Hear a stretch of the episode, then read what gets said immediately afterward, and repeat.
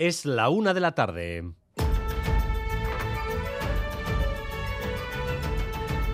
Crónica de Euskadi con Dani Álvarez.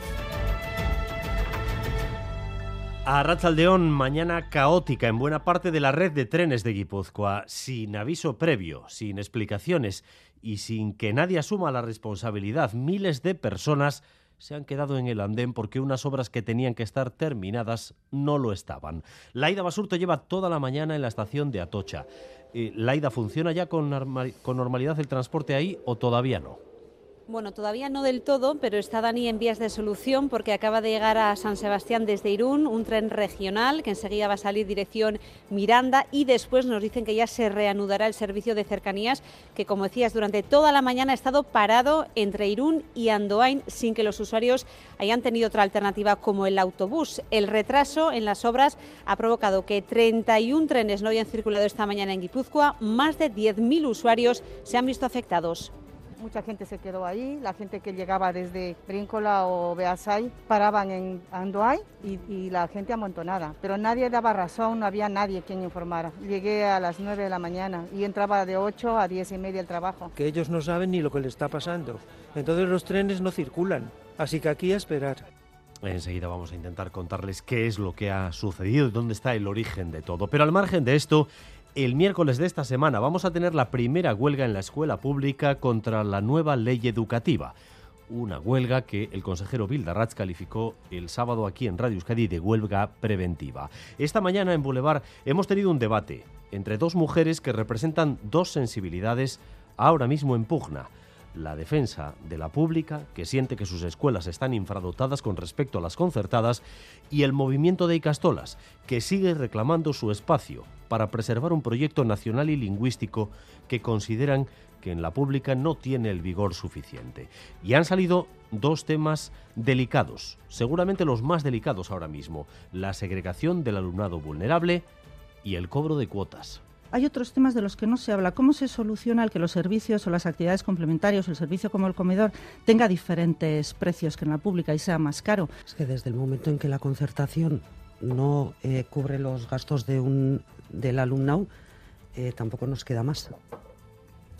Nosotros eh, cobramos cuota porque la financiación que nos da el concierto no llega a cubrir los gastos del alumnado la voz de Agurne Barruso de la Icastola Armentia de Vitoria-Gasteiz y antes escuchaban a Arancha Fernández de Garayalde de Euskal Escola Público Azarro. Y en Madrid, en el Senado, está a punto de empezar el acto de conmemoración de los 40 años de la actual autonomía de Navarra el mejoramiento de la comunidad foral. Un acto que preside María Chivite en medio del ruido madrileño por la transferencia de tráfico. Izaro Baza, adelante. Sí, a estas horas arranca aquí en el Senado el acto conmemorativo del 40 aniversario de la entrada en vigor de la LORA, una ley que regula el autogobierno navarro. Un acto, sin embargo, que estará marcado en gran parte por las ausencias, aunque ha acudido a Madrid una representación del gobierno navarro. Guero Abay, uno de los aliados del PSN en el Ejecutivo Foral, no participa en el acto como partido. No comparten que el único acto en recuerdo del aniversario se celebre en Madrid y no en Navarra. Tampoco participa EH Bildu. Además, la polémica que ha generado la transferencia de tráfico será uno de los los temas principales en la cita de hoy. Como decíamos, el acto arranca a estas horas con el discurso del presidente del Senado, Ander Gil. En unos minutos tomará la palabra la presidenta María Chivite.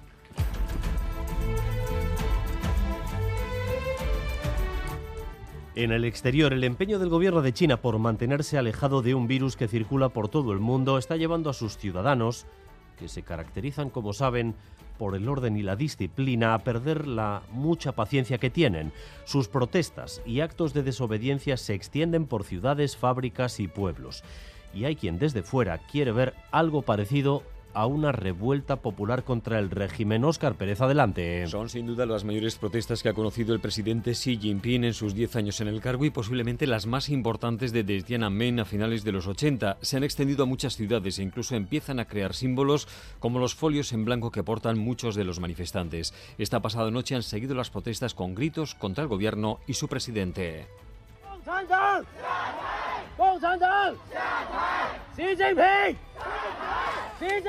En Shanghái y Wuhan, en la misma Pekín, las protestas continúan e incluso crecen en dimensión contra los rigores de las medidas anti-COVID, pero el gobierno chino enfrenta la tormenta perfecta porque esas protestas aumentan y los contagios también. Los últimos datos oficiales hablan de más de 40.000 casos positivos ayer, lo que representa un nuevo récord y las movilizaciones empiezan a dañar su economía. El yuan y las bolsas asiáticas han caído en las últimas horas.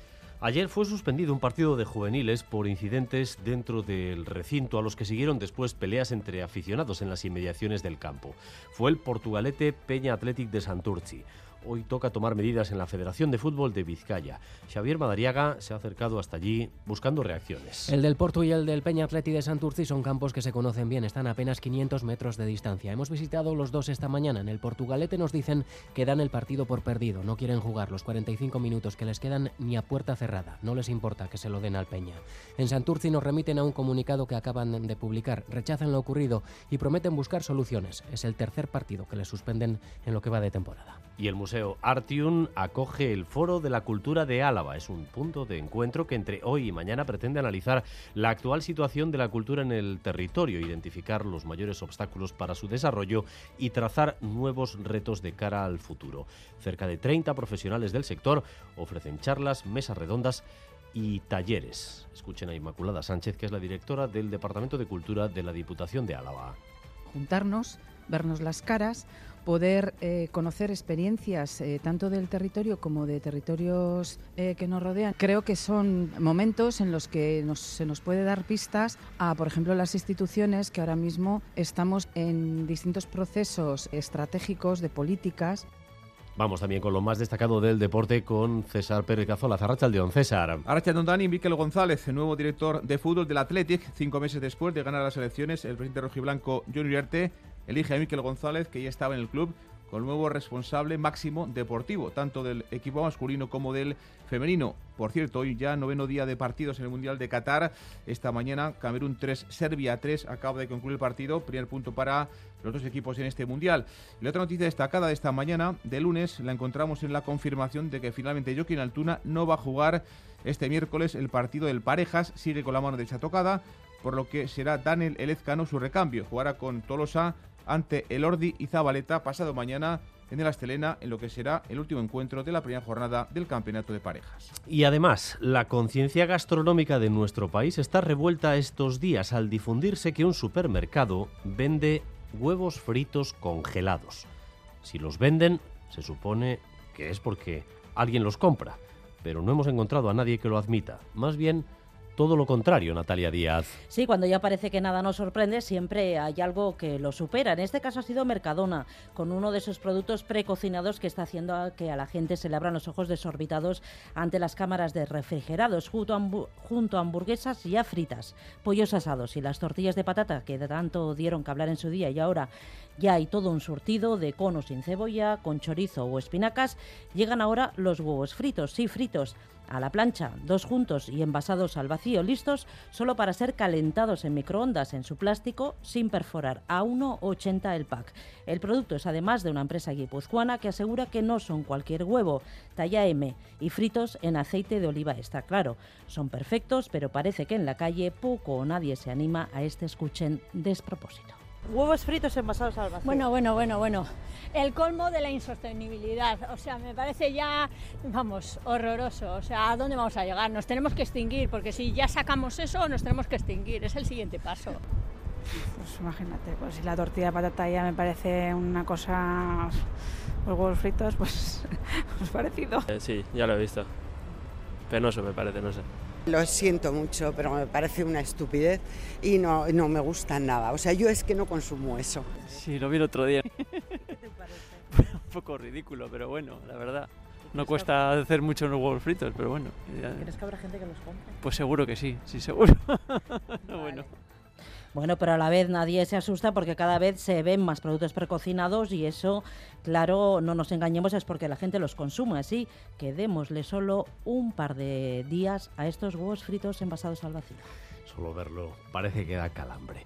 En el tráfico, un aviso en la N634 en el Goibar, sentido Donostia. Un coche se ha salido de la carretera, no se han producido heridos en ese accidente, pero están a la espera de la grúa para despejar definitivamente la zona. El Goibar sentido Donostia en la N634. En cuanto al tiempo, ambiente desapacible hoy, con viento intenso y chubascos abundantes que irán acompañados de tormentas y granizo en algunos momentos. Por la tarde el tiempo seguirá revuelto, sobre todo, atención, en la zona este de Guipúzcoa.